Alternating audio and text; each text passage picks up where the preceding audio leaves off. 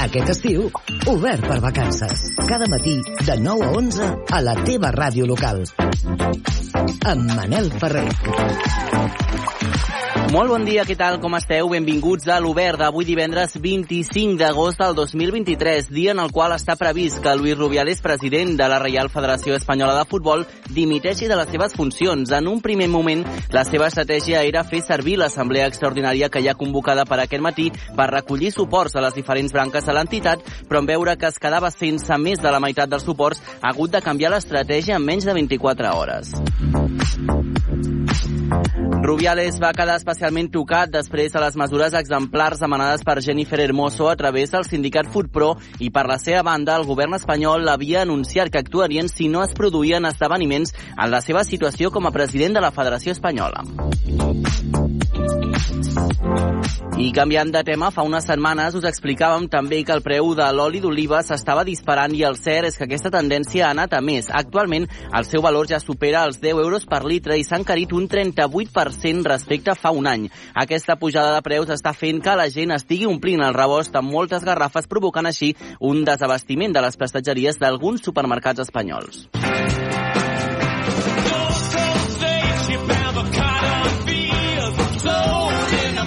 Els Rolling Stones donen pistes sobre un nou disc amb un enigmàtic anunci en un diari. La mítica banda britànica no treu cap disc d'estudi amb temes propis des del 2005 i seria el primer des de la mort del bateria Charlie Watts. L'anunci misteriós es va publicar el passat 17 d'agost al diari Hackney Gazette. A la cantonada d'una de les pàgines es promociona l'obertura d'una nova botiga de reparació de vidres anomenada Hackney Diamonds. Aparentment sembla un anunci normal i corrent, però si pares atenció hi ha diverses referències que apunten directament a la banda de rock britànica. En el programa d'avui, a l'Obert d'avui, coneixerem a Xaixa Amorós, un violinista de 14 anys i que triomfa a Moscou. També ens prepararem per participar a la Maroc Challenge i descobrirem la cara oculta del turisme. A més, avui és divendres i, per tant, ens toca sortejar 60 euros per gastar a bon preu esclat amb el nostre sorteig concurs de la cançó de l'estiu. Quina és per tu la cançó de l'estiu? Digue'ns-ho amb una nota de veu al 628 841 055 i podràs guanyar 60 euros per gastar al bon preu esclat.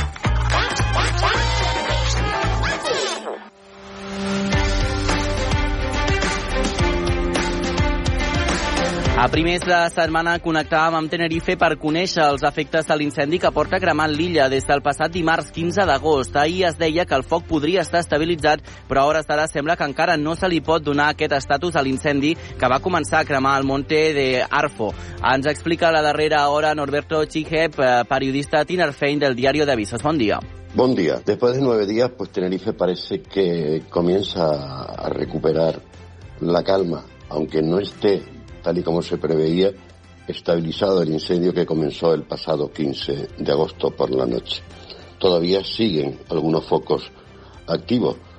Después de la visita de la vicepresidenta tercera y ministra de Transición Ecológica, Teresa Rivero, con la que pudimos compartir durante siete horas un trayecto para ver la desoladora imagen de la corona forestal de la isla prácticamente negra, quemada, todavía con olor a humo, con ceniza, muy cerca del Parque Nacional del Teide. Pero eso sí, hace dos días que no se quemaba una hectárea más. Al final, 14.751 hectáreas en un perímetro de 90 kilómetros, 300 personas y 20 medios aéreos siguen trabajando para acabar con este incendio.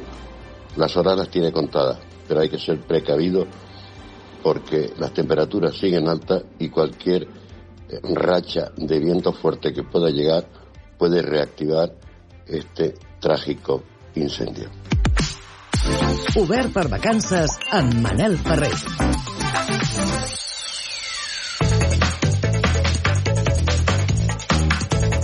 Nou i 8 ara mateix i com cada dia saludem el nostre company Eudal Puig del nou FM. Eudal, bon dia, com estàs? Molt bon dia, Manel. Doncs mira, no et dic que estigui pas malament, però sí una mica tocat, eh? Avui és l'última connexió que faig amb vosaltres, però oh. ja ho diuen que tot el bo s'acaba, eh? Però bueno, no, no passa res. No passa res. Segur que ens Sí. tornarem a trobar. Eudal, però avui ha de ser Exacte. una connexió d'aquelles eh, mítiques, perquè serà la teva darrera d'aquesta temporada. Correcte, exacte. I gairebé com si fos una llicència, potser Mhm. mm -hmm. perquè és el meu últim dia, allò que diuen, no? Um, avui no m'aniré gaire lluny, la veritat, però sí que aquesta secció, si tracta de descobrir llocs emblemàtics de Vic i fins i tot en algun moment ens hem anat a algun punt de, de la comarca, Sí. tots aquests punts passen pels llocs que ja ho hem vist, són històrics de fa molt temps i també són de més recents. I d'altres que eh, tots ells, en, tota, en certa manera, marquen Vic i la comarca. Uh -huh. Ah, bé, doncs bé, avui descobrirem una part vista més des d'endins del que a tu i a mi, Manel, ens agrada. El que en el meu cas jo estudio per dedicar-m'hi i tu, Manel, hi treballes. Pist- Pistes potser no molt concretes, però bé, tocarà, tocarà descobrir-lo a partir de les 10. Molt bé, escolta'm, pistes, eh, anirem a cercar la notícia, però no la notícia, sinó des on es fa la notícia, podríem dir, potser. Sí, em No? sembla que ho has clavat bastant bé. Molt bé, sí, doncs sí, sí. ens quedem amb això. D'aquí una estona tornem a parlar a Eudal i ens expliques més. Gràcies, fins ara. Fins ara, vagi bé.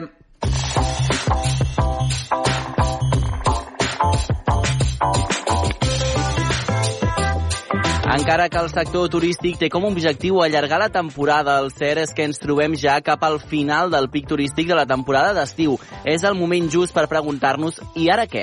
Un cop passada aquesta onada, quin impacte queda a les principals destinacions turístiques? Pobles que reben moltíssima gent de cop però que han d'afrontar el mur de la temporada baixa quan arriba la tardor, amb l'afegit que han de batallar amb impactes socials com la gentrificació i les infraestructures obsoletes i poc preparades per aquesta onada turística. Marxem a Ràdio L'Escala. Bon dia, Sergi. Qui tenim a l'estudi per desvetllar-nos tots aquests dubtes? Bon dia, Manel. Mira, vinc molt ben acompanyat. Tinc aquí en Josep Capellà, que de ben segur en resol tots aquests dubtes que ens has proposat fa una mm. estona. En Josep és un estudiós, és un tècnic de turisme, ha estat treballant molt aquí a la zona al voltant del Montgrí, a Torroella, sobretot a l'Estartit, i clar, és cert que la gent va de baixada, per exemple, aquí- a l'escala diem, no sé si a Torroella el mateix, però diem que la darrera sardana de Festa Major, que és de dintre d'una Mhm. setmaneta i mitja, arriba, arriba l'hivern, no? Eh, bé, arribava, perquè ja saps que amb això del canvi climàtic potser tampoc és, és tan ben bé així. Doncs ara ens resoldrem. Anem per feina, Josep, perquè ens preguntàvem tot just al començar pel panorama un cop passat el pic de la temporada turística. I ara què? Això del turisme fora de temporada acaba de funcionar o encara no dona els fruits que hauria de donar? Hola, molt bon, Bon dia. dia. Eh, bueno, en primer lloc, dir, esclar, jo mm, resoldre, lamentablement no podré resoldre gaire res. Potser comentar, sí. Doncs ens quedem amb Eh? aquests comentaris, em sembla bé. Exacte. Eh, gràcies per invitar-me. Eh, com bé deia en Sergi, eh, Tarruella i a l'Estartit també dèiem que per la festa major de Tarruella, que és avui, eh, llavors ve, ve el Caire i l'Escala, ja comença la temporada d'hivern, diguéssim, no? I de fet, amb el turisme no és així. Gràcies eh, a Déu eh, s'ha anat allargant. Mm? Eh, evidentment, eh, passem d'una d'u- d'una etapa d'una alta concentració de, de visitants, que això comença a mitjans de eh, juliol i sobretot es, es, es, eh, eh, arriba al màxim a les primeres tres setmanes d'agost i llavors la, la cosa comença a, a baixar. Eh, davant d'això, sí que en els últims anys la major part dels ajuntaments eh, han desenvolupat estratègies de posar en valor eh, el, el seu entorn, els seus recursos turístics, que no són exclusivament el sol i la platja, sinó que altres atractius que eh, mereixen també tenir eh, un posicionament i un, i, i, i un valor en, el, en els mercats i que poden atreure eh, grups de, de visitants, no, potser no tan massius, i això és bo, però sí que més especialitzats en la descoberta d'aquests entorns. No? Ho diríem des de mar, però també en terra, eh, etc. Josep, eh, també, clar, s'ha parlat molt de turisme, turisme sostenible, no? Sí. Eh, N'hi ha que diuen que això és un oxímoron. Qui hi estàs d'acord? Què en dius tu d'això? Bé, podríem dir que és un oxímoron.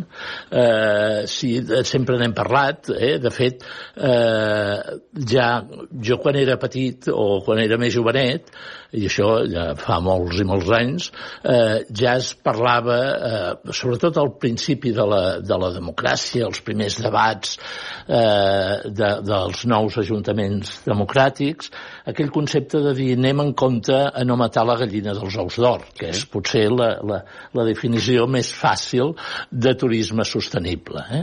Malgrat això, eh, és evident que amb els ajuntaments democràtics van canviar les coses, però segurament no suficientment. No? No? La, la pressió que teníem sobre, eh, la, mm, sobre aquestes zones turístiques de creixement eh, va continuar, eh, hi va haver més planificació urbanística, eh, va servir per salvar eh, espais d'un gran valor patrimonial, per, per exemple, al Montgrí, mm -hmm. hi havia, eh, permeteu-me que faci una focalització sí. ara a casa nostra, però eh, tota la costa del Montgrí anava edificada. Eh? El pla general que hi havia a l'Ajuntament de Tarruella de l'any 68 eh, deia que, esclar, que Tarruella perdia població, l'agricultura estava en decliu, estàvem lluny de zones industrials, només ens quedava el turisme. I el que plantejava era arribar en molt pocs anys una població que llavors devia tenir 4 o 5.000 habitants a 120.000 eh, places, només un 10% de la població resident. Evidentment, això ha canviat radicalment i hem tingut la sort de poder salvar i ara eh, preservar per sempre més llocs emblemàtics. Eh? Uh -huh. De fet, eh, Josep, eh, parlant també de, de tòpics, no, de frases eh, fetes, eh, un altre que està sobre la taula és l'anomenat turisme de qualitat. Què n'hem de dir? S'ha pervertit aquest concepte cap a potser un turisme més eh, elitista? Uh, evidentment hi ha hagut zones que pels seus valors, per, el, per, per, per la pròpia eh, indústria turística, doncs han, eh, han apostat més per la qualitat. Han sigut zones més exclusives del Mediterrani, de, de, de, de zones de muntanya, etc. Però davant d'això també tenim l'altre fenomen que el dret a les vacances i el dret a fer moltes activitats diferents en el temps d'oci s'ha generalitzat? I la, el, el balanç entre un turisme exclusiu de qualitat, etc i l'accés eh, eh, eh, a l'oci amb un sentit molt ampli de, de grans capes de la població, doncs eh, aquí és el, allà on hi ha el, el, el repte de moltes d'aquestes zones turístiques. Eh? El, així, un dels problemes que potser tenim ara és justament el de la el de la gentrificació, no? Fins on el turisme eh, comporta que la gent que viu en aquells indrets, bé sigui pobles o ciutats turístiques, tinguin problemes o hagin de marxar directament. Sí, això ho veiem, n'hem sentit a parlar molt de grans ciutats com Barcelona, eh, com Madrid, cada vegada més, com Amsterdam, i veus que Amsterdam eh, eh, ha tancat la pàgina web de turisme. Mm? I ara té una plana web eh, de promoció de la ciutat per captar visitants, però també captar estudiants que vagin a fer màsters, a captar investigadors, nous emprenedors, etc en un sentit molt més ampli. No? I, I és una línia que, que, que, que va que, que va creixent en aquest sentit. La, eh, el, el, aquests nous models de turisme que van començar amb el turisme sostenible cada vegada ho tenen més present. No? I ara, per exemple, es parla turisme sostenible, però també es parla de turisme responsable, mm. en el qual el que pretén és involucrar a la població local en la presa de decisions de cap on ha d'anar l'estratègia turística del futur. Mm. I mm, Sí, Manel? No, no, no justament anàvem a, a preguntar justament per, per, per això, per aquest turisme del, del futur, que ens faltarà també encara saber cap a on evoluciona tot plegat i quina és al final doncs, la, la tendència que ens porta amb tot eh, plegat. Josep, t'haurem de tornar a convidar un altre dia, perquè ja saps que a la ràdio el temps corre molt ràpid. Corre molt, eh? Corre molt. El que sí que t'haig de demanar és una darrera cosa abans d'acomiadar-te, és que em diguis un número, el que vulguis, de l'1 al 36, perquè aquesta persona, aquest número, de moment número, després ja veurem quina és la persona que hi ha darrere s'emportarà els 60 euros que estem sortejant avui amb la cançó de l'estiu per gastar a bon preu esclat. Un número de l'1 al 36, Josep. Mira, el 27, i felicitats al que li toqui. El 27, molt bé. Doncs ens quedem a aquest número. Josep, moltes gràcies i gràcies, Sergi, també. A tu, Manel, que vagi propera. molt bé. Fins la propera. I és que hem parlat una estona de la problemàtica que pateixen els municipis turístics de la Costa Brava durant l'estiu, quan els costos en els serveis augmenten dràsticament amb l'increment poblacional. La Costa Daurada tampoc se'n lliura amb municipis molt turístics com Salou, Cambrils o Altafulla. Ens amplia la informació el nostre company de Ràdio Ciutat de Tarragona, Àlex Riba. Quan arriba l'estiu, els habitants dels municipis més turístics de la Costa Daurada estan acostumats a veure els carrers, les botigues i les platges plenes de turistes. Localitats com Salou passen de tenir una població de 28.000 persones a 155.000, el que comporta que per cada 5 habitants hi hagi 27 turistes. En el cas d'Altafulla, el nombre de població gairebé es triplica, el que obliga a reforçar els serveis municipals provocant encariments de costos. El millor exemple és el servei de recollida de brossa. L'Ajuntament ha hagut de reforçar la brigada municipal per tal de controlar que les escombraries no s'escampin per la via pública. L'alcalde del municipi, Jordi Molinera, apunta que enguany no estan patint gaire incivisme amb la generació de residus. Aquest any la sensació és que, és que hem pogut controlar força bé la situació gràcies a aquest bon servei que s'ha activat a, de tardes i també perquè hi ha ciutadania que és més coneixedora doncs, d'acabar on van els residus que, que, que generen. A banda de la recollida de brossa, Altafulla es troba amb una sobrecàrrega en altres serveis com el d'aigua. Molinera també destaca el reforç que s'ha de fer a la policia local per tal de garantir la seguretat i el compliment de les normatives. El Batlle, però, tanca la seva valoració amb un fet força positiu, i és que durant l'estiu, tant Altafulla com a la resta de municipis turístics, la cultura omple de vida als carrers. Gràcies, Àlex. 9 i 20, seguim en directe a l'Obert per Vacances.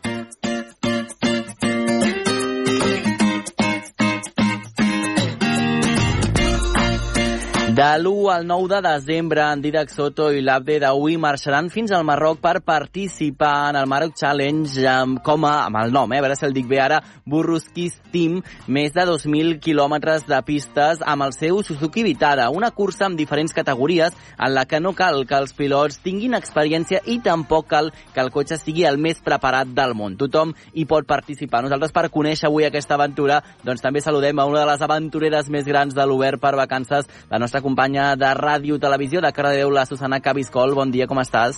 Hola, bon dia, Manel, molt bé. Escolta'm, amb ganes de conèixer aquesta iniciativa, explica'ns uh, qui ens acompanya. Doncs mira, tenim amb nosaltres a l'Abde d'avui i, el, i el Didac Soto, mm -hmm. el Didac amb una miqueta més d'experiència en això de la Maroc Challenge i l'Abde que s'estrenarà aquest any. No, no. Molt bé, doncs escolta'm, per començar per algun lloc, expliqueu-nos una mica d'on sorgeix aquesta idea de participar en el Maroc Challenge i també quin vincle hi teniu amb tot plegat, com arribeu a conèixer la iniciativa. Bueno, la, la iniciativa com, com a equip de, de Borrosuki Steam comença el 2015 vale? i comença com, com qualsevol iniciativa esborjarrada entre dos amics en un sopar a casa i un no hi ha nassos de fer aquesta prova. Vam començar així, vam apuntar-nos com a, com a novells, com a persones que no sabíem ni de quin color eren les pistes de, del Marroc i a partir d'aquí doncs, hem, hem anat fent diferents participacions, eh, sobretot jo, que em porto ja 14, crec, si no vaig descomptat, i moltes han sigut com a participants i alguna que altra també ha sigut com a, com a organització amb cotxes de rescat. Uh -huh. Escolta'm, doncs m'agrada com comença tot plegat, perquè comença com a què no podrem fer-ho, no? I comença com un repte, com un repte de superació, no? Sí, sí, va començar absolutament com, com un repte, a més a més amb, amb, sense experiència de res, o sigui, completament des de zero. Abde, i tu? tu què? Com, com t'has apuntat a aquesta jo, aventura? bueno, ens vam apuntar el 2020, en sí. veritat la, la primera era el 2020, però just vam decidir fer-ho junts, van tancar les fronteres al Marroc i va començar el que tots a dia avui coneixem com la pandèmia, però bueno, sorgeix una mica de que a mi també m'agraden els cotxes, a dia d'avui em dedico al món dels cotxes, a les carreres de cotxes i quan m'ho va dir doncs va ser una mica de dir, bueno, deixem a part una mica el que són els paddocks i treballar des de darrere i, i a posar-me dintre d'un cotxe. Uh -huh. Vosaltres aneu amb un Suzuki Vitara i l'experiència del, del Didac. Però un cop allà, eh, com us organitzeu? Què és, què és el que ha de fer cadascú? Bé, que un, un cop en allà tots tenim molt en ment eh, quan es parlen d'aquestes curses, no? al Dakar i aquests llocs on te, només es veu eh, els cotxes participar i que arriben i, i, i tothom està molt tranquil, tant pilot com copilot. Allà no, allà una de les funcions bàsiques, evidentment, és la del pilot i la del copilot, i jo sempre dic que és més important la del copilot que la del, mm. que la del pilot, bàsicament perquè és qui guia, és qui, qui sap per on hem d'anar, el pilot li simplement condueix, amb, amb totes les seves eh, conseqüències, però també condueix, i a part, un cop arribem, nosaltres no tenim assistència, no tenim mecànics, no tenim ningú que ens hagi preparat a l'hotel, que ens hagi preparat on hem d'anar a dinar, on hem d'anar a sopar, etc etc. per la qual cosa, quan arribem, si el cotxe està bé, doncs tens l'oportunitat de descansar, si el cotxe ha patit o té alguna reparació, doncs toca treure's eh, el rol de, ma, de pilot i de copilot i posar-se el rol de mecànic i, i arreglar el que sigui. Mm -hmm. De fet, dèiem al principi que és una cursa que no cal que es tingui experiència, però clar, jo entenc que alguna preparació us heu entrenat d'alguna manera, perquè clar, feu de pilots, de copilots, feu de mecànics, i us podeu trobar moltíssimes eh, situacions no previstes. No sé com us heu preparat igualment. Jo, jo, mira, jo no m'he preparat en res. encara tens temps. Encara tinc temps. A mi fa quatre mesos em van dir aquesta bogeria, vaig dir que sí, i bueno, algun, algun curs he fet amb tu, mm. sí. algun curs he fet de, de, de copilotatge, però de moment sé canviar les rodes del cotxe i una cosa més. Eh? Home, saber ja canviar bé, les rodes d'un cotxe ja és, eh? T'anava ja a dir que ja, ja és un, un bon punt. punt, ja és un bon punt. Sí, sí. Bé, la preparació en si no n'hi no ha cap. Al final eh, és una cosa mm, que, que has d'anar... Vas veient el dia a dia, no és una cursa a, a l'esprint, vale? és una cursa de, de resistència de molts dies, eh, per la qual cosa quasi, quasi que la, la primera preparació és la prevenció, no? és eh, tenir clar que que has d'anar a aguantar, a, a, a intentar passar el dia a dia, intentant no tenir les, cap avaria o les mínimes possibles, i a partir d'aquí, bueno, evidentment, quan ja se vagin apropant més les dates, eh, tot just ara estem començant a, a preparar el cotxe, quan mm. ja s'apropin les dates, doncs amb l'APD farem més eh, èmfasi amb el tema de copilotatge i tot el que ens podem trobar. I quin és el recorregut que fareu? I hi ha diverses etapes d'aquesta cursa. Quantes etapes n'hi ha? Quantes pot, o sigui, quan pot durar una, una etapa? Bé, aquest any, aquesta edició, aquest hivern, és, és molt interessant perquè és la vintena edició, o sigui, ja la, la, està enfocada una mica més així entretinguda i a més a més aquesta vegada són sis etapes.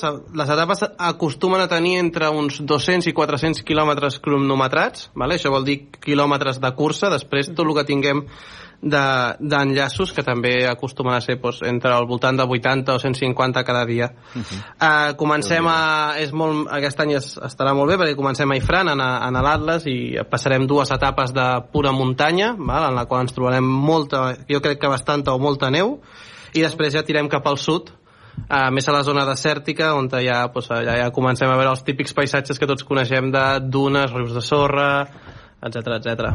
Uh -huh. Deies directe 200 quilòmetres, eh, això en hores? O sigui, quanta estona estareu allà dins del cotxe, uh -huh. ho sabeu, més o menys?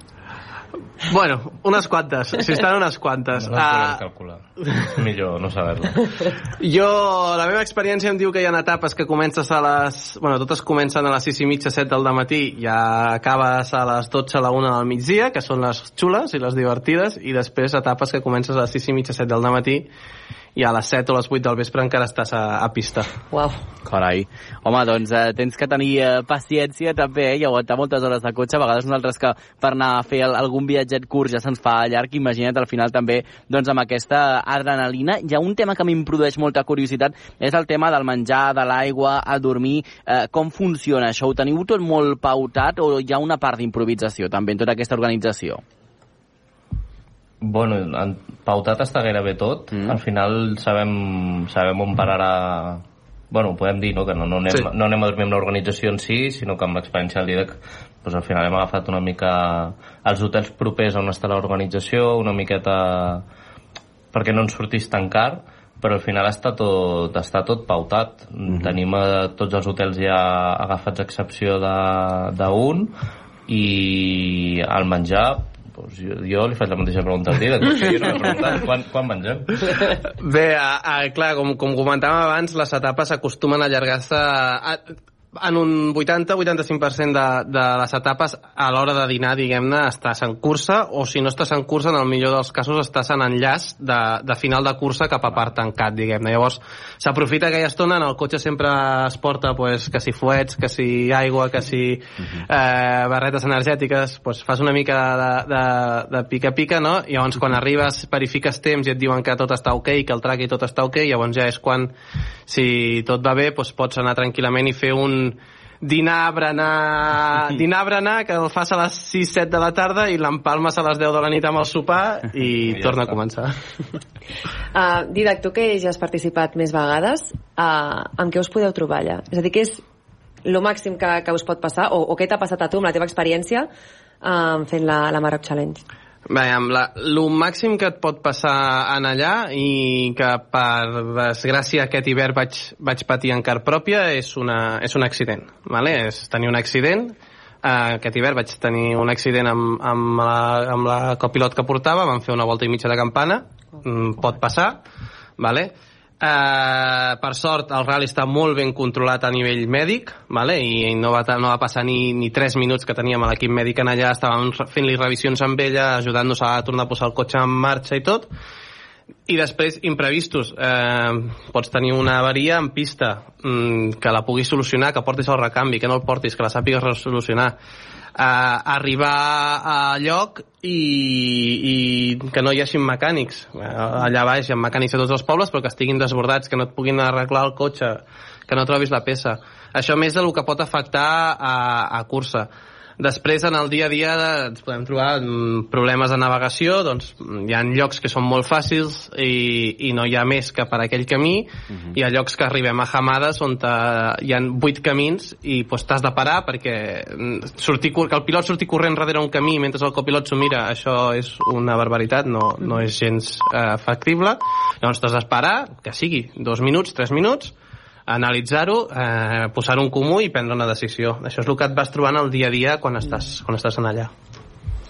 Home, doncs jo crec que també el, això també us dona una garantia molt gran, no?, el tema mèdic, saber que teniu com aquesta cobertura, no?, i aquesta assistència que al cap de poca estona eh, us, us atenen. Eh, no sé si també vosaltres, com en qualsevol altra modalitat esportiva, també us teniu com aquesta disciplina de saber encaixar, també, doncs, eh, potser quan no va com t'agradaria, o quan et lesiones, o quan et fas mal, o el cotxe, eh, doncs, pateix un accident gran i no es pot seguir. No sé si també us prepareu d'alguna manera per, eh, sí, per, doncs, eh, tenir la victòria, però també també per tenir una derrota. Bueno, el món dels cotxes jo crec que això ho has de, ho has de portar dintre des del primer dia, mm. perquè qualsevol carrera pot sortir a la primera, parlant d'un circuit, a la primera curva mm, se pot sortir la roda perquè el mecànic s'ha oblidat d'apretar el tornillo i, i ja està, ja has perdut la carrera, ja has perdut el dia i al final ho has de, ho has de portar dintre errors humans poden passar errors mecànics poden passar, al final són màquines s'espatllen i, i ja està i si volques l'important és que els anys estiguin bé i el cotxe ja està no passa mm -hmm. res i a parar el següent any Deies, dit abans, que és una cursa de, de resistència. Com, com es puntua?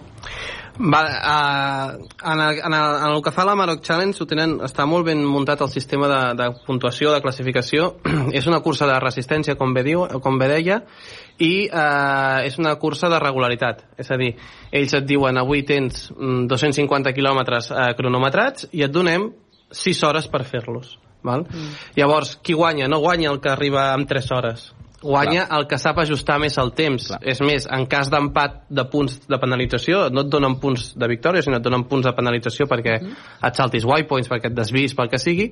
En cas de que hi hagi una, en una posició un empat, suposem en la primera posició un empat a punts, eh, el que desempata és la persona que ha aconseguit fer la velocitat en pista mitjana més baixa, és a dir, el que s'ha apropat més a la seva, al seu temps. D'aquesta manera també ajuda molt a que la gent doncs no, no corri, eh, el que parlàvem abans, no prengui depèn de quins riscos, perquè ja hi ha prou riscos anant pel Marroc, compteu que estem parlant que no són les pistes forestals que tenim aquí, que tens una pista forestal i a 5 quilòmetres tens la carretera, allà tens una pista forestal i estàs a 150 quilòmetres d'una possible carretera. Mm. Val? Llavors, això també ajuda a l'organització, a part de que anem amb seguiment GPS, ens tenen geolocalitzats en tot moment, doncs, de que la cursa també sigui més segura. Mm. Home, això és importantíssim també les eh, garanties que això us donen. No sé si d'alguna manera vosaltres també, en encara falten uns, uns mesos, però no sé si en les setmanes o els mesos previs també podeu conèixer alguns de la resta de competidors, de rivals i també doncs veure una mica eh, com funcionaran, com aniran o això t'hi trobes ja directament quan us planteu allà? Bueno, la llista de participants està, està penjada a la pàgina web, vull dir, Mhm. és, és pública. El Dídac segur que els coneix a tots o gairebé tots. Eh, però no, bueno, conèixer-los, si els coneixes d'abans sí, si no a la web, doncs això, estan penjats els, els participants, però no... Sí, a, a la web pots veure dins de la teva categoria quants, mm -hmm. quants vehicles tens i quins equips són, inclús de, de quin poble són.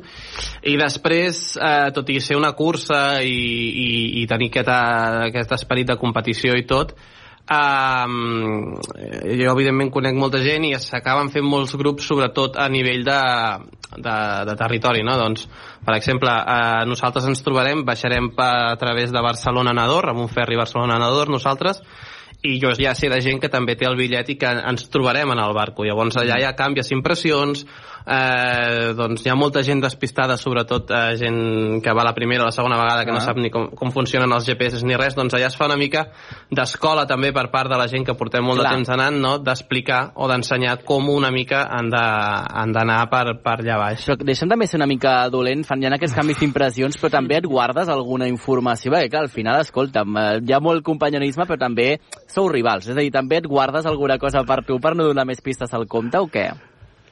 Bueno, jo sempre, jo sempre dic que, que aquesta cursa es guanya molt sent gat vell. Mm. Vale? Es guanya molt sent gat vell. Llavors, més que guardar-te informació, perquè al final la informació és la mateixa Clar. per tots, vull dir, no, no tenim, no tenim cap, cap d'això, Uh, el que sí que em guardo o em reservo una mica és l'experiència no? de dir que això ho viurem en directe allà baix, però l'experiència de dir mm, anem a fer això abans que això, anem a córrer aquí, en aquest terreny que és més llis, mm -hmm. perquè sé que el proper terreny haurem d'anar més a poc a poc i aquí retallo Clar. temps al, al rellotge, o l'experiència sobretot d'haver passat. Jo recordo l'any 2018 que vam fer primera posició amb, amb, amb la categoria que anàvem, que la, la copilot que portàvem va dir pel camí de la dreta, pel camí de la dreta, i vaig dir no, pel de la dreta, no, pel de l'esquerra. Que no, que no, pel de la dreta, i jo que no, que pel de l'esquerra. Em vaig tirar cap al de l'esquerra, Sí. em vaig menjar 20 metres de bronca Ah. de, que perquè havia anat pel de l'esquerra i quan li vaig dir mira cap a baix, era un riu de sorra, tothom Ostres. estava encallat, traient pales, traient Ostres. planxes, i nosaltres sí que anàvem lents per dalt perquè era un camí trencat, Sí. però vam passar. Però veu passar. Avançàveu. Veus, doncs l'experiència també és un eh, grau. Escolta, moltes gràcies als dos per acompanyar-nos. D'aquí al desembre encara queda molt, teniu encara temps per acabar ultimant aquests detalls, preparar-vos, entrenar-vos i, escolta, que vagi molt bé aquesta aventura. Moltes gràcies a vosaltres. Gràcies. Gràcies. I gràcies també, Susana. Fins la propera. Gràcies, que vagi que vagi bé. molt bé. Adéu.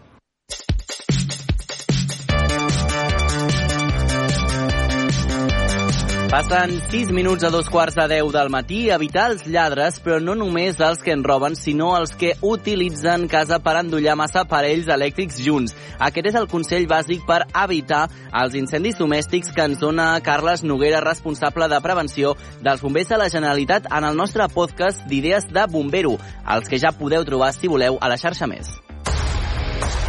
Idees de bombero. Guia pràctica d'allò que no s'ha de fer mai si es vol evitar accidents. Els components elèctrics de la llar són responsables de l'inici d'alguns focs domèstics. Avui, a l'Idees de Bombero, ens preguntem com els hem de preveure? Doncs eh, justament amb els temes elèctrics el que hem de fer és evitar, sobretot, les sobrecàrregues. I això vol dir evitar, en la mesura que puguem, la utilització dels lladres. En parlem amb el sotsinspector Carles Noguera, responsable de l'àrea de prevenció dels bombers de la Generalitat de Catalunya. Gràcies per atendre'ns. Hola, bon dia, gràcies a vosaltres. Eh, quan diem lladres, compte, no només estem parlant de- d'aquella sortida que posem a la paret, que treu dos o tres mm, vinculacions per anar posant diferents electrodomèstics, sinó també allò de fer un allargo amb un allargo i al final acabar creuant una, una habitació no? de cables Sí. per anar afegint diferents electrodomèstics. Sí, sí, justament. El tema de la, de la utilització de connectar molts aparells elèctrics a qualsevol, a qualsevol endoll, el que pot provocar és que eh, hi hagi un escalfament d'aquest endoll i si això s'escalfa molt pot arribar a cremar. I si arriba a cremar és un punt de risc evident per, eh, per provocar un incendi generalitzat. No sé si es pot establir la regla de com més senzill, com més barat sigui un electrodomèstic, potser menys protecció té contra aquestes pujades de temperatura i, per tant, contra el risc de que pugui provocar un incendi. Uh, aviam, en principi, uh, els, tots els aparells que s'estan venent a, a casa nostra pues, han de garantir les condicions de seguretat uh, que correspon. Eh? D'això, des de l'Agència Catalana del Consum ja es vetlla per la correcta, eh, les correctes condicions de tots aquests aparells. Però, en qualsevol cas, independentment del, de l'aparell que sigui, el que sí que podem fer és nosaltres ballar perquè utilitzar-ho correctament. I utilitzar-ho correctament pel que fa a l'electricitat sí que hem d'evitar en la mesura del possible les sobrecàrregues, perquè jo puc tenir dues estufes elèctriques que són molt bones i molt correctes, però si les connecto amb un lladre al mateix endoll, aquí sí que és una situació de risc provocada per, per aquest ús d'aquestes estufes elèctriques, i això és el que hem d'evitar. Quan detectem que s'està iniciant un foc domèstic en, en un component elèctric, eh, quina és la primera reacció que hem de tenir? Doncs, de manera immediata, si podem, és desconnectar-ho. És a dir, aleshores aquí ja evitarem que la cosa vagi a més. És a dir, si podem, eh, desendollar aquest aparell, val? i així estaríem evitant aquestes, aquesta progressió d'aquest incendi o aquest inici d'aquest incendi. I a part, un cop ja ho hem desendollat, ja podem actuar de manera habitual com podríem fer amb qualsevol inici d'incendi a casa. És a dir, si tenim a mà un extintor, doncs actuem amb un extintor. Si podem utilitzar algun drap humit, doncs utilitzem un drap humit i intentem sufocar aquest petit conat inicial. En teoria, quan la part elèctrica queda afectada i ens entra ja dintre del circuit de casa, les pies, la força s'haurien de baixar soles o val la pena anar a mirar de baixar-les manualment? Sí, evidentment, eh? Si veiem que la cosa va una miqueta més i no tinc capacitat d'acostar-me justament on tinc aquest aparell, el més segur és anar al quadre general de casa i baixar un dels interruptors. I a partir d'aquest moment ja deixem de tenir llum a casa. Per tant, això, evidentment, això seria la millor, també seria una solució absolutament correcta. Quina és l'habitació on sol passar més freqüentment aquests incendis? Diguem el que hi hauria d'haver-hi un, un extintor si el tinguéssim. Mm, aviam, les habitacions no, no ho tenim detectat, perquè eh, no, no és no ho tenim detectat exactament quin és el, el, el, la, la part de casa que eh, comencen els focs per temes elèctrics. El que sí que sabem és que els focs ens comencen amb molta, amb molta freqüència a la cuina, però ja no per temes elèctrics, sinó per temes de pròpiament cuinar. Val? I la utilització de, de l'extintor, on hauríem de situar un extintor, el que sí que hem de preveure és que a casa nostra, si vivim en un bloc de pisos, a cada planta ha d'haver-hi un extintor. Per tant, el que sí que podem fer és anar a l'extintor que tenim al replà de l'escala i utilitzar-lo, o agafar un dels extintors que tenim a casa. En, en, en el replà de l'escala em refereixo. Uh -huh. Una de les actuacions ràpides aquelles que sempre s'ha dit de tota la vida, eh, o, o que inclús surten al, a les sèries de televisió o als dibuixos animats, és allò de tirar aigua o tapar amb una manta o drap. Això és correcte? Això és correcte, això és plenament correcte. Tirem aigua sempre i quan eh, l'incendi no sigui d'una pell amb oli, és a dir, no sigui a la cuina, val? perquè aleshores el que provocaríem seria una esquitxada absoluta. Però en qualsevol altre cas sí que seria una situació correcta si no és un foc elèctric. Val? Evidentment, el, el fet de tapar alguna possible conat, eh? Uh, inici de conat amb una manta humida o amb uns draps humits, això és molt bona, molt bona actuació. Quan comencem a notar que un electrodomèstic va agafant temperatura, que potser no tindria per què. Quina és la recomanació? Mirar la, la vida útil que porta ja aquell aparell, fer-li una revisió, anar pensant en substituir-lo? Sí, evidentment, evidentment. És dir, si alguna cosa qualsevol aparell s'escalfa més del que és normal, ens està indicant que hi ha alguna cosa que no funciona bé. Per tant, si podem deixar-ho d'utilitzar millor, si podem portar a arreglar millor, i si arriba el moment de canviar-lo, doncs potser haurem de començar a pensar en canviar-lo, perquè, evidentment, eh, sempre que diem que això eh, s'escalfi més del que és normal, eh? més del que és normal. Suposo que el fabricant també, en aquest sentit, mm, marca unes pautes, no? que potser a vegades quan venen amb un electrodomèstic gros i ens l'instal·len a casa, com que ja ho fan ells, tampoc hi parem atenció. Sí, eh, eh, una de les mesures bàsiques de, de, prevenció, vaja, o de, o de saber com funcionen aquests, qualsevol aparell que tinguem nosaltres, és sempre seguir les instruccions que dona el fabricant, ja siguin electrodomèstics eh, de la cuina, pot ser una nevera, un microones, una rentadora, etc, com per exemple també qualsevol altre aparell, eh, que ara per exemple estan molt, cada cop s'estan utilitzant més doncs, aparells de mobilitat personal. Doncs hem de seguir sempre les instruccions dels fabricants per procedir a la seva càrrega elèctrica o per procedir a, al manteniment d'aquests tipus d'aparells. Carles Noguera, responsable de l'àrea de prevenció dels bombers de la Generalitat de Catalunya. Gràcies per atendre la trucada de l'Obert per Vacances. Molt bé, gràcies a vosaltres.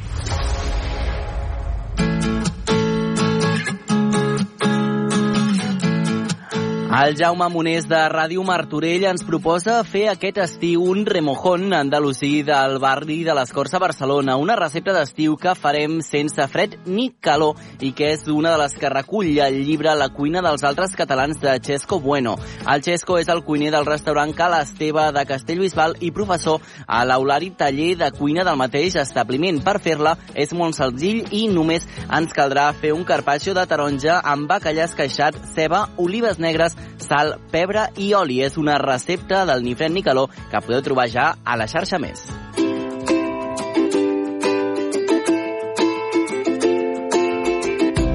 Ni fred ni calor. Molt bé, doncs Xesco, en primer lloc, què farem avui? Avui farem un remojón eh, andalusí del barri de les Corts. Molt bé. I què necessitem per fer-ho? Necessitarem eh, taronges, olives negres, eh, ceba tendra, una mica de pebre i bacallà esqueixat. I oli d'oliva, res més.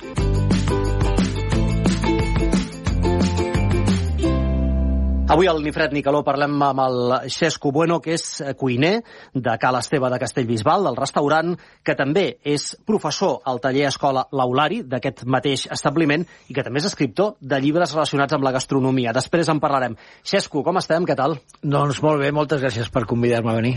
I avui ens has dit que ens presentes un remojón andalusí del barri de les Corts. Del barri de les Corts. Per què de les Corts? Bé, perquè la meva mare i els meus avis vivien a les Corts i és d'allà on jo tinc el record d'haver eh, après o haver tastat aquest eh, bacallà amb taronja. Com s'escau en aquesta secció, parlem de receptes en fred, receptes que no requereixin d'un cuinat.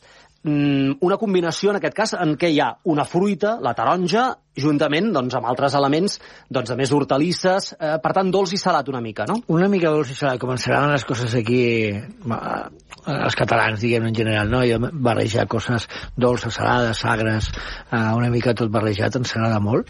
I bé, eh, amb aquesta inspiració andalusí, que és d'on venien els meus avis i aquesta recepta és originària doncs, de la Pujarra o de Còrdoba, podríem dir, la, la canònica, no? Després nosaltres l'hem adaptat i l'hem fet a la nostra manera eh, per, per, per al nostre gust, no? Uh -huh.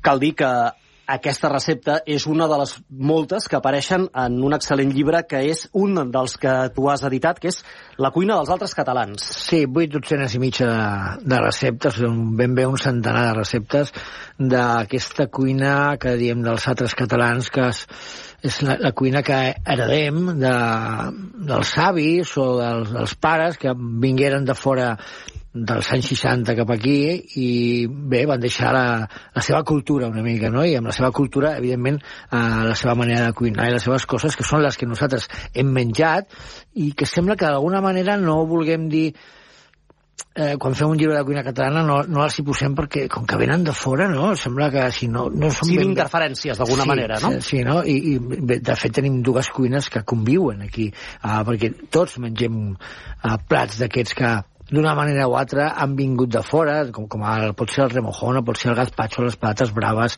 el, el peixet fregit, els seitons, eh, centenars de plats que, que no són ben bé nostres, però que van venir un dia amb algú i s'han quedat, s'han quedat i compartim amb ells. O sigui, per, per exemple, el, el pop a la gallega, o sigui, forma part del nostre dia a dia, encara que vingui de fora, no? Uh -huh. I, evidentment, de totes aquestes famílies que han anat venint a Catalunya, és evident que també eh, al final acaben menjant calçots, acaben menjant una botifarra amb mongeta, és a dir, la integració, la barreja és absoluta i total. És un mestissatge, vamos, com cal. I la cuina hi surt guanyant. Tots sortim guanyant, la cuina i nosaltres. Uh -huh. I tant. Xesco, anem a descriure com hem de preparar aquesta recepta. Molt bé, mira, eh, en realitat aquesta recepta no porta el bacallà esqueixat, no porta bacallà cuit, o bacallà fumat, o bacallà torrat, o fregit, però a casa, a casa nostra la fèiem sempre amb aquest bacallà esqueixat, de l'esqueixada que ens agrada aquí. Un bacallà salat, i després de salat, que esqueixàvem amb els dits. Això ho acompanyem d'unes eh, taronges eh, tallades a rodanxes o a grills, com més us agradi, una mica de ceba també tallada ben prima, sal, pebre, unes olives negres i un raig d'oli, si és que no té més. Això preparat amb uns minuts d'antelació perquè pugui deixar anar el seu suquet, que després eh, sucarem pa, no? Ben fresquet, a la nevera, amb una estona d'antelació, com us he dit, i res més, això ideal de cara a la tardor, de cara al setembre, ja no, quan, quan ja mm, comencem a tenir les primeres taronges... mm, Bé, eh, no és ben bé una recepta de juny-juliol, sinó una miqueta més endavant. Uh -huh. Però en tot cas, eh, les taronges llascadetes com quan fem aquestes típiques postres, no?, que, que Sí, són el llit, la sí, base, no?, d'alguna manera. Sí, com si fem un llit, que ho has dit ben bé, de, de les postres, sí, perquè parlant de postres o, o d'amanides, el, el meu avi menjava uh, taronja amanida co- com a, com a primer plat o com a plat únic o, o per berenar, o sigui, amb oli d'oliva i, i, i, i una mica de sal, un pessique, i menjava taronges així. Jo les vaig descobrir amb ell i m'agraden moltíssim. Al final, la fruita en una amanida, eh, perquè amb la poma també ho faig, o amb la pinya, amb aquestes coses ta- també ho faig, i també m'agraden, no?, amb vinagreta, diguem-ne. La magrana, estic pensant. La també, no? magrana, boni- boníssima, amb una mica de formatge fresc. Sí, sí, també formen part de les nostres amanides, i tant. Molt bé. Eh, remojón, per què el concepte? Uh, remojón suposo que ve per aquí, no? perquè el bacallà uh, va remullat, no sé ben bé l'etimologia de- d'aquesta recepta remojón, uh, no ho he investigat, però ara m'ha sobrat la curiositat i ho hauré de, ho hauré de mirar. Haurem no? de mirar-ho. Ah. A més a més d'aquest llibre de la cuina dels altres catalans, el Xesco Bueno és autor d'altres obres, com per exemple Cuina catalana oblidada, del que encara es cou i es menja. Sí, un títol molt llarg. Després també Escola d'arròs. Escola d'arròs. Has parlat de dels arrossos que en mengem molt, però deies que no s'havia escrit tant, que no s'havia investigat tant i que hi ha varietats molt autòctones, molt nostres, que podem utilitzar i que de vegades no en som conscients.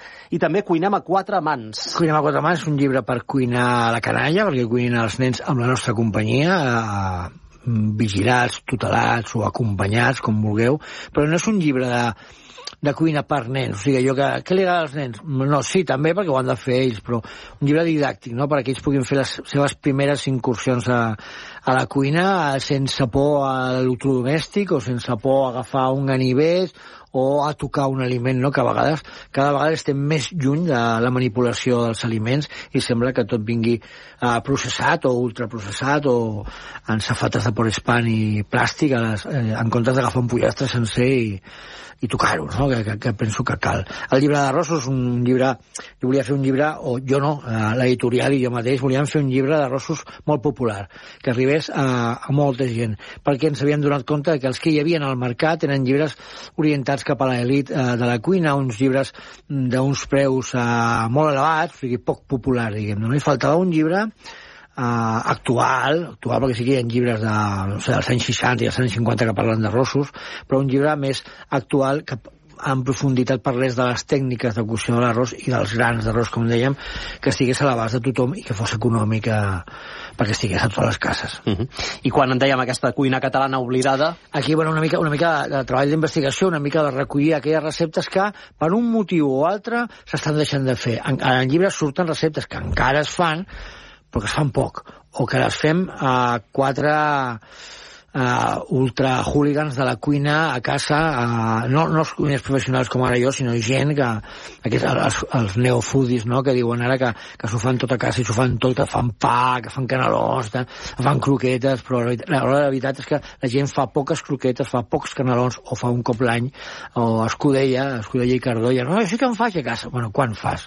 No, per Nadal. Bueno, pues, això vol dir que no ho estem fent, ho estàs fent un dia assenyalat i punt, no? I després, tanmateix, quants restaurants eh, fan o estan deixant de fer tota aquesta mena de menjar que sembla que l'estem perdent i quedarà com una, mica residual. I després, d'altra banda, plats, evidentment, ja no es fan eh, tant perquè, bé, perquè evolucionem, evolucionem i la cuina evoluciona i els gustos evolucionen i eh, ho dic sense nostàlgia, eh? O sigui, no, no, endavant, endavant, endavant, no. Si no, menjaríem encara com l'edat mitjana, no? Però que perdurin aquestes receptes a través de llibres, d'alguna manera és perpetuar-les de cara al futur, és a dir, que en qualsevol moment puguem agafar el cable i tornar, reprendre-les, reutilitzar-les, és que no quedin en l'oblit d'alguna manera. Sí, no? és una mica un atac de vanitat, també, això d'escriure un llibre posant receptes que estan al límit, no?, en perill d'extinció o que poden ser oblidades i que les pugui rescatar algú doncs una mica, això és una mica, bueno, que quedi pel futur, no? Que quedi, em sembla una mica vanidós per la meva part, mm, dir, això ho faig perquè d'aquí 100 anys la gent digui, hòstia, mira, no? però sí que m'agradaria, sí, no? que fos un llibre important d'aquí 100 anys. Mira, algú es va dedicar a recollir coses que, que perdíem. I tant que sí. Xesco, per acabar, um, què ens recomanes que mengem en aquests dies de tanta calorada? De fet, el ni fred ni calor va en aquesta línia, En però aquesta línia. què ens recomanes? Quins en plats? aquesta línia, fruita, verdura, uh, és el millor que podem menjar. Uh, escolta'm, que, que també menjar de cullera uh, ve de gust, perquè és que si no arribarà la tardor i agafarem les culleres amb tantes ganes perquè ja no haurem menjat ni cigrons ni res i, tindrem moltes ganes. Però tot allò que sigui refrescant, ara que tenim uh, síndries i melons, que tenim tomàquets, que tenim cogombres, que tenim pebrots, mengeu moltes amanides, mengeu fresquet, per hidratar-vos molt bé, sobretot, i no cal menjar-ne molt ara mateix, perquè tampoc cremem de la mateixa manera. Mm, menjar lleuger i, i saludable. I, I si pot ser del veí, el menjar del veí en comptes de menjar d'importació, doncs jo agraït. Molt bé, doncs, Xesco, bueno, moltíssimes gràcies per acompanyar-nos. Moltíssimes gràcies a vosaltres per convidar-me a mi.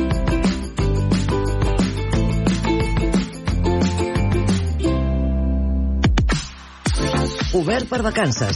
Busca'ns a la teva ràdio local.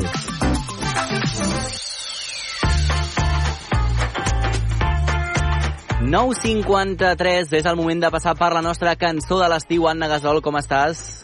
Bon dia, Manel. Molt bé, que avui és dia de sorteig. Dia de sorteig, sabem el número, que és el número 27. A la segona hora parlarem amb el guanyador o guanyadora perquè, Anna, ens cremen els 60 euros de bon preu esclat a la mà, eh? I tant, ens cremen, tenim moltes ganes de repartir-les, ens haurem d'esperar en aquesta segona hora, però de moment anem a, anem a recordar això, eh? que Sí. tornem a encetar sorteig, que em resol amb aquest Molt 27 bé. d'aquesta setmana, i encetem l'últim, el darrer d'aquesta temporada. Eh? Sí, sí, sí, sí, darrer sorteig, darrer 60 euros que entregarem el proper divendres en el darrer obert per vacances. Em costa molt dir-ho, però Mhm. m'hauré d'anar acostumant perquè ja la setmana que ve serà últim dilluns, últim dimarts, últim dimecres... Però bé, uh, ho aniré païnt. Anna, ara mateix, qui vulgui participar en el sorteig de la cançó de l'estiu, com ho ha de fer? Ha d'enviar un missatge de veu al 628 841 055, el Mm. 628 841 055. Em consta que alguns oients ja el tenen gravat. Molt bé, exacte, sí, sí, que tenen guardat obert per vacances. Sí, això és Facilíssim. ser pràctica. Clar. Llavors, s'envia un missatge de veu dient el nom, des d'on ens escolteu i quina creieu que és la cançó de l'estiu. Si bé. feu això, entreu en aquest sorteig eh, per guanyar 60 euros que s'acumulen al, al teu compte client, a la targeta client de bon preu, Mhm. i divendres que ve a veure en qui li toca. Doncs això és perfecte i, de fet, eh, Anna, ja estem rebent noves respostes dels nostres oients, eh? I tant, algunes d'elles són aquestes, Manel. A veure. Hola, sóc l'Assumpció i sóc de Sant Jaume dels Domenys. La meva cançó de l'estiu és Viva la vida de Coldplay. Moltes gràcies, bon estiu, adiós, bona tarda. Adéu. Hola, bon dia. Sóc la Montse Domingo de Molins de Rei. M'agradaria que la cançó d'estiu fos el que canten el Papet i la Marieta, que es diu Corre l'estiu. Ah, molt la bé, trobo molt xula. molt divertida. Oh, i tant. Moltes gràcies i un bon estiu. Bon estiu. Hola, bon dia, guapos. Em dic Joana i soc d'Arenys de Mar. I la cançó de meva que més m'agrada són... És Tens un amic. És molt maca i m'agrada molt. Adéu. Adéu. M'agrada, Anna, perquè diu la meva cançó. És a La dir, meva ja és cançó. seva, és de la seva propietat i això és que la defensarà fins al dia de la mort, eh? Exacte. Molt bé, doncs escolta, se'ns acaba el temps. Amb quina cançó podem marxar? Va.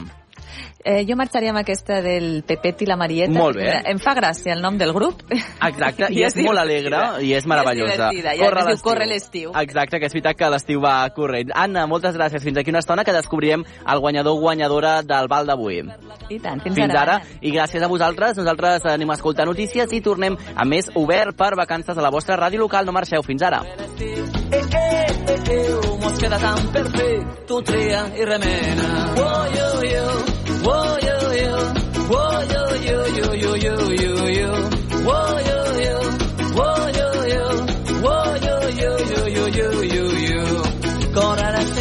que tot a coca viu, les. La xarxa de comunicació local.